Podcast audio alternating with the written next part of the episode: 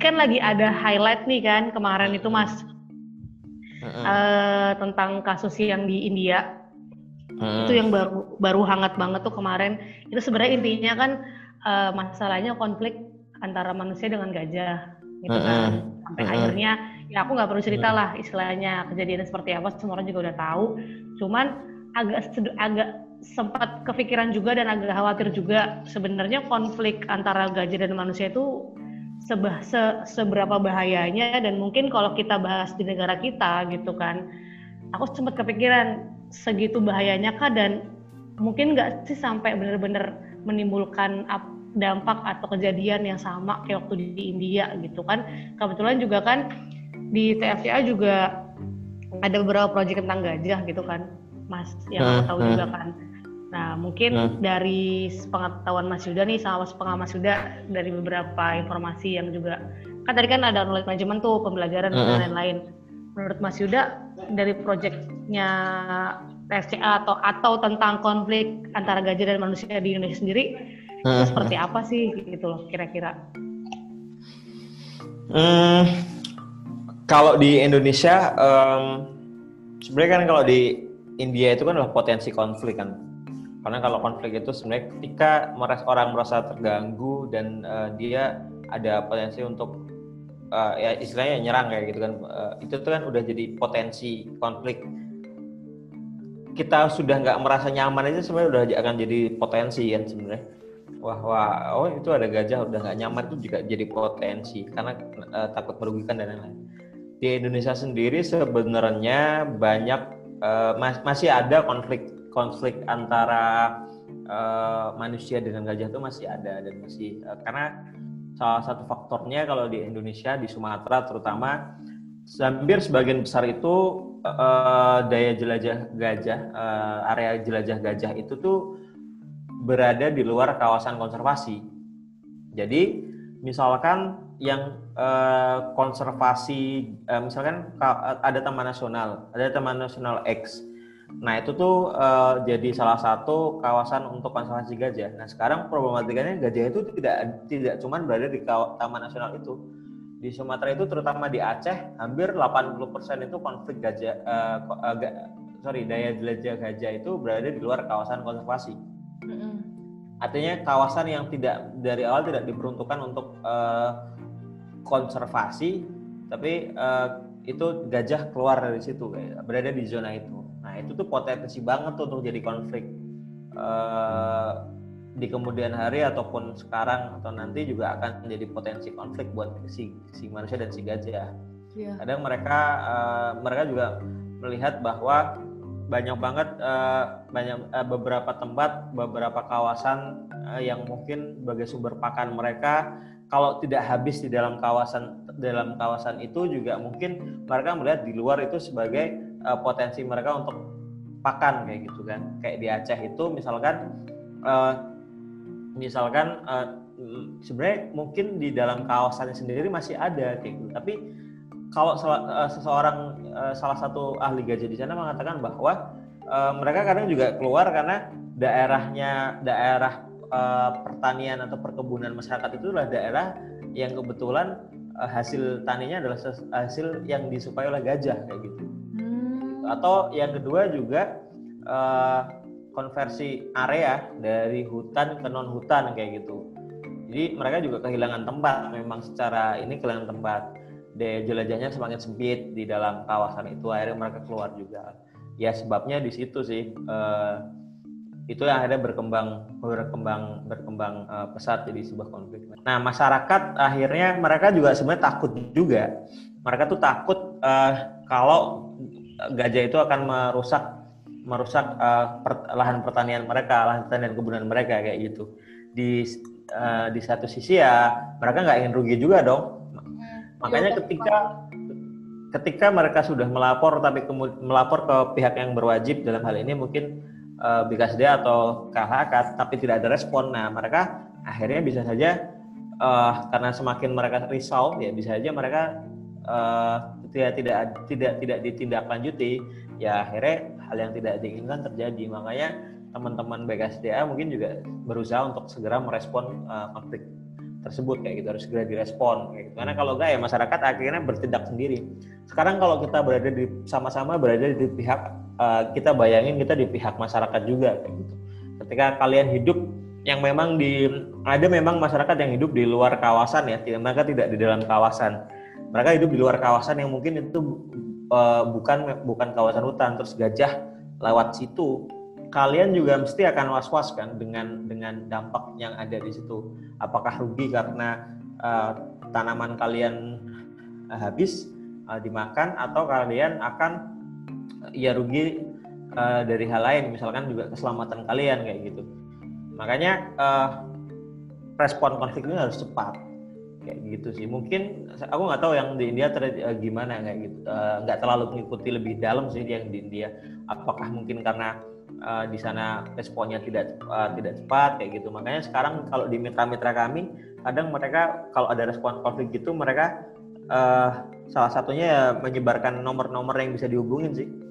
Ketika ada konflik gitu mereka uh, akan menghubungi ke mitra kami, mitra kami akan mungkin akan pasti akan kerjasama dengan otoritas terkait BKSDA atau Taman Nasional untuk uh, eh, apakah pilihannya dievakuasi ataukah pilihannya di uh, di apa ya digiring uh, digiring digiring kembali ke dalam kawasan terdekat.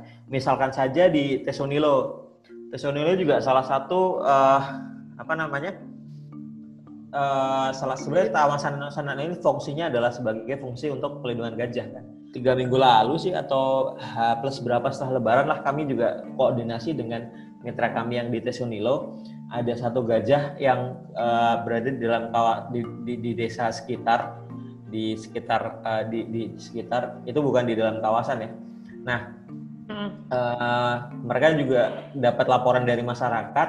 Akhirnya uh, mereka menuju ke sana. Mereka persiapan prepare uh, uh, dari mulai hal yang terburuk adalah evakuasi. Evakuasi itu proses pemindahan gajah diambil dari tempat itu untuk dibawa ke kawasan yang seharusnya. Jadi uh, tempat habitat dia kayak gitu. Nah, si gajah ini uh, di setelah uh, mereka tiba di lokasi, mereka melakukan koordinasi dengan kepala desa, dengan polisi, dengan TNI, dengan uh, juga dengan BKSDA dan Taman Nasional. Mereka uh, mengintai gajahnya ada di posisi di mana, terus kemudian uh, mereka uh, untungnya tidak sampai untuk evakuasi. Ketika mereka giring, jadi evakuasi kan opsi terakhir. Ada opsi kayak penggiringan, penghadangan kayak gitu. Jadi di lapangan itu ternyata Oh, itu Iya, jadi di lapangan itu masyarakat bareng-bareng buat dihadang kayak gitu. Dihadangnya uh, ya ada satu metodenya pakai mercon. Jadi uh, kalian tahu nggak sih kalau di tempat tuh dulu tuh namanya uh, long bumbung yang dari bambu tuh Oh, yang, yang pakai minyak, yang pakai minyak, orang tuh itu. Yang pakai minyak. Yang, yang pakai minyak. Dulu dulu nggak sih? Terus nah, yang yang harus disulut dulu. Meriam oh. kayak meriam gitulah. Hmm. Nah, itu kan sebenarnya nggak nggak menciderai kan, cuman suara doang. Itu pakai tapi nggak pakai oh, bambu. Oh iya iya isi. Paralon yang gede kayak gitu kan. Itu hmm. tinggal di pakai karbit atau apa nanti dia akan takut kayak gitu.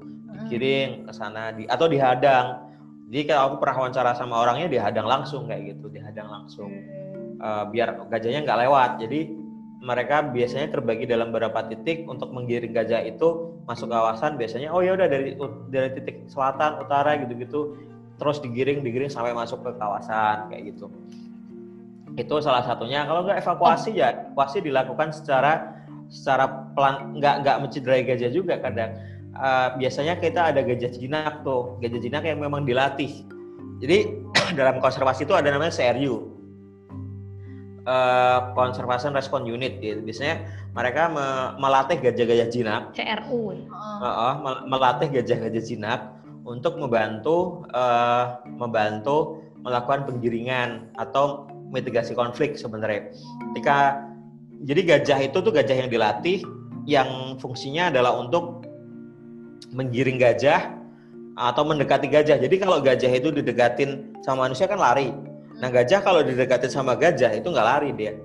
Biasanya ada dokter hewan yang di atas yang di atas gajah untuk uh, apa namanya uh, bius gajah gitu, untuk dipindahin. Tapi opsi bius itu opsi terakhir kali yang bisa dilakukan atau opsi terakhir yang ya, pilih, kalau udah nggak ada pilihan lain gajah itu tetap ngamuk dan ini baru dibius.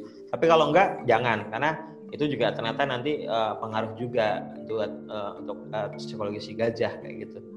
Jadi gajah-gajah jinak itu dilatih emang dilatih tiap hari di angon ada mahot. Jadi kalau uh, mahot itu adalah orang yang yang fungsinya uh, tuannya si dalam tanda kutip tuannya si gajah gitu.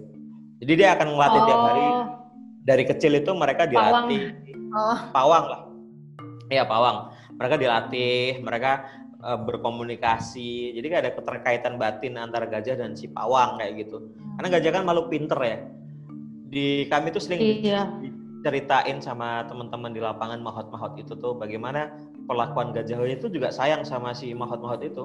Kayak ada ada chemistry yang yang kuat gitu antara gajah dengan si mahot kayak gitu. Dia kan dia banyak cerita lah kalau teman-teman tahu kan dia uh, pintar juga. Bahkan nih opsi uh, mitigasi itu kan sebenarnya nggak nggak cuma dilakukan dengan uh, mercon kayak eh uh, uh, ya mercon. Meriam lah meriam bukan mercon ya meriam. Oh, bukan. tapi opsi lain tuh ada. Kayak misalkan uh, di di Taman Nasional Waikambas kita pernah bangun parit parit. Nah ternyata gajah itu tuh mampu beradaptasi. Mereka tuh mampu berpikir tadinya tuh mereka tercebur. Akhirnya balik lagi. Nah lama kelamaan mereka pinter tuh. Gimana cara life hacknya tuh pinter? Jadi gajah satu kecebur nanti uh, gajah satunya nyebur naik lagi ke atas gajah lah itu sampai di atas. Nah, yang di atas itu oh. narik si gajah lagi. Bahkan ini pernah ada bahkan ada cerita. Jadi ini kocak banget nih. Bahkan sampai ada kayak kalian tahu kayak pagar gitu, pagar gajah. Uh, itu tuh dililit sama agak benda-benda tajam gitulah. Uh, jadi benda-benda itu kemudian kalau gajah lewat kan dia nggak bisa. Uh. Itu tuh mereka pinter. Jadi pernah suatu ketika masyarakat udah ditipu sama si gajah. Gajah itu dibagi jadi dua jadi uh, ada gajah yang lewat, jadi dia mengelabui aja. Jadi masyarakat tuh udah udah wah itu gajahnya dikejar Meriam, bem bem bem bem kayak gitu. Yang lain tuh baru lewat, itik itik itik lewat lah lahannya mereka. Nah, jadi se secerdas itu gajah itu. Ya Allah. Nah, gajah juga. Pinter daripada saya, eh, enggak. iya, jadi Jadi kamu kalau, apa? Enggak, itu enggak. kalau itu kalau opsi termengelabui car. Iya, iya. Itu kalau opsi meriam udah nggak mempan, mereka juga beradaptasi. Lama-lama mereka akan tahu bahwa oh itu meriam doang, nggak kenapa-kenapa nggak sakit. Mereka nggak takut juga. Nah biasanya gajah-gajah yang keluar dari kawasan ini uh, adalah gajah soliter atau gajah satelit. Jadi ada masa-masanya. Eh ini koreksi ya kalau aku salah ya. Aku yeah, bukan yeah. ahli gajah, sekali lagi aku bukan ahli gajah nih kalau teman-teman tahu aku bukan ahli gajah tapi aku adalah orang yang selama ini berkutat sama ahli-ahli gajah hmm. iya iya. Iya. orang konservasi kan nggak nggak mesti secara rinci ngerti soal gajah ya? Yeah. nanti teman-teman kalau nanya soal badak soal harimau soal orang hutan atau soal isu konservasi sosial dan lain mungkin kita tahu tapi nggak dalam kayak gitu nah sekali lagi bisa aja aku salah tapi teman-teman nanti yang pendengarnya secara lain dan nih bisa ngoreksi kayak gitu. Nah uh, gajah gajah itu kan ada yang uh, satelit untuk monitoring kelompoknya gitu dia di luar kawasan biasanya gajah jantan gitu juga mereka kalau jadi gajah itu kalau sudah bergerombol biasanya kan lead, leadnya leadernya itu kan gajah betina kayak gitu. Yeah. ada gajah anakan gajah jantan terus dia tumbuh-tumbuh jadi gajah gede. Kalau dia mau kawin dia akan keluar dari kelompok itu yang jantan keluar kayak gitu. Nah biasanya gajah-gajah ini yang suka uh, keluar kawasan uh, biasanya di sekitar uh, apa desa kayak gitu tuh dia keluar di situ karena memang dia satelit aja atau dia memang mau nyari jodoh keluar gitu. Oh. Nah ini gajah-gajah itu seperti itu dia. Uh, biasanya yang yang yang jantan tuh yang soliter dia. Oh. Dia melindungi dari luar kayak gitu-gitu. Dia nanti akan kalau sudah gede kawin dia akan bikin lagi gitu. Gila, melindungi okay. dari luar ya, keren. Mm -mm. Hmm. Itu berarti metode-metode untuk istilahnya mengurangi konflik gajah antar manusia ya biar gajahnya nggak benar-benar masuk ke kawasan manusia gitu ya. Iya, iya yang yang yang tadi itu ada. Oh, ada juga yang di Aceh metodenya dengan cara uh, pemagaran ya? pagar, pagar listrik. listrik ya. Oh iya, oh. itu yang di infografis tuh. Oh iya, jadi, pagar listrik. Jadi sebenarnya pagar listrik itu ada dua sih sebenarnya di, di ada tiga. Satu pagar alam. Jadi gajah itu kan kalau uh, gajah, kalau yang sudah terbatas sama alam misalkan tebing tinggi tuh dia udah nggak bisa kan. Hmm. Tapi jangan salah, gajah itu walaupun gede itu dia bisa uh, dia bisa ngedaki dengan kecuraman sampai berapa apa namanya kelerengan berapa gitu dia masih bisa daki kayak gitu. Oh, dia bisa nanjak. Nah, masih bisa. Tapi kalau udah ya. Gila, kuat. ternyata. Jadi kalau kalau gajah itu apa namanya? Uh, udah tebing itu udah nggak bisa. Nah, itu pag oh. itu pagar uh, batas alam kita udah terbantu di situ. Oh. Nah, sekarang yang nggak bisa dibatasin tuh, uh, yang nggak bisa dibatasin tuh ya yang kita pagerin apakah kita gali jadi uh, parit jadi kita parit. bikin parit parit gajah. Yeah. Parit gajah itu tuh paritnya kita nggak kita nggak uh, mengurung mereka biar nggak bisa balik nggak kita tetap uh, setting biar gajah itu nggak bisa lewatin batas itu karena batas itu setelahnya adalah kawasan masyarakat kawasan pertanian masyarakat jadi gajah itu kalau sudah terjun ke uh, ke paritnya itu dia nggak bisa naik untuk lewatin itu, tapi dia akan tetap bisa balik lagi ke tempat semula. Jadi tuh di desain sudah bikin rupa uh, mungkin uh, yang yang di sini tuh nggak begitu tinggi, tapi yang di sebelah sisi yang berbatasan sama masyarakat tuh yang tinggi gitu. Jadi dia balik, kalau nggak dia mati di dalam kawat di dalam parit itu.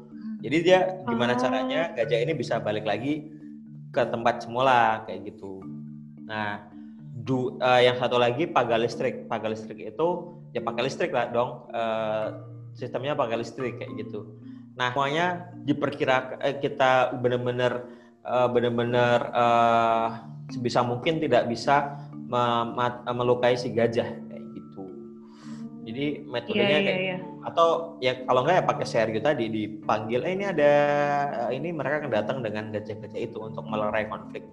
Ngembaliin mereka ke dalam kawasan. Jadi ya banyak banyak banyak lah. Ada yang metodenya ya. Tentunya memang jadi memang gajah untuk di di uh, bukan dipiara di, di dilatih itu memang ada perannya sih perannya memang untuk kayak gitu kayak gitu jadi nggak semuanya negatif konservasi iya. ada konservasi ex situ in situ kan kalian belajar kan iya. nah di situ iya, tuh iya. penting di situ tuh pentingnya itu juga nanti berkaitan sama uh, kenapa kemudian kita mesti juga melakukan konservasi di luar kawasan kayak kita di kebun uh, taman uh, kebun binatang Sama dan lain-lain. Nah itu tuh kan untuk menjaga DNA. Jadi ketika mm, jadi ketika nanti uh, suatu ketika gajah di alam liarnya itu kan sekarang bisa saja masalahnya juga kayak manusia nih.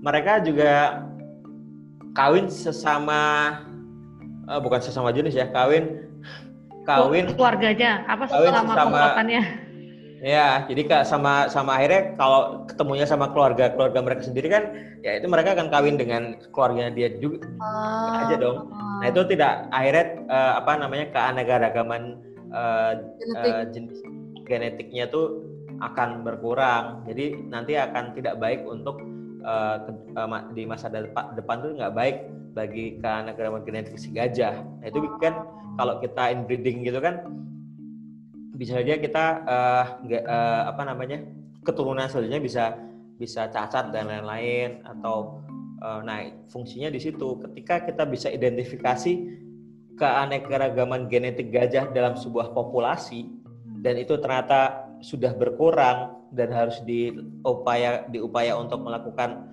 uh, pengkayaan DNA, uh, genetik lagi gajah-gajah yang dipelihara inilah yang kemudian akan bisa membantu mereka untuk meningkatkan keanekaragaman genetik tadi kayak gitu. Konsepnya itu kayak gitu. Jadi kita jangan berpikir ngapain sih ada konservasi eks itu itu karena itu masih penting. Iya iya. Iya Itu perannya perannya konservasi eks itu sih ya bisa dibilang. Jadi hmm. asal memang cara yang mereka lakukan adalah benar, itu sebenarnya tidak menjadi masalah atau juga itu hewannya mungkin kan hewan-hewan pilihan yang kadang mungkin sebenarnya kalau dilepasin di alam pun juga dia udah sulit untuk bertahan. Jadi hmm. mungkin lebih baik dia digunakan sebagai untuk bahan penelitian atau untuk tadi meng mengkayakan kinetiknya itu sendiri gitu. Iya. Sebenarnya kan juga males juga piara gajah sebenarnya. Iya, iya gede banget, tempatnya gede. mesti luas. Oh, taruh di mana kalau di rumah ya? Pernah bayangin nggak berapa ya, di rumah. berapa rumput yang harus di, dikasih ke gajah? Gila bertonton. Berapa, ya, berapa tonton? Iya kan? Iya. Itu aja kan gajah kan makhluk yang sebenarnya banyak makan, tapi ya katanya gendut-gendut daripada banyak iya. karena pencernaan dia tuh nggak sempurna sebenarnya. Pencernaan dia tuh kayak sapi lah sebenarnya.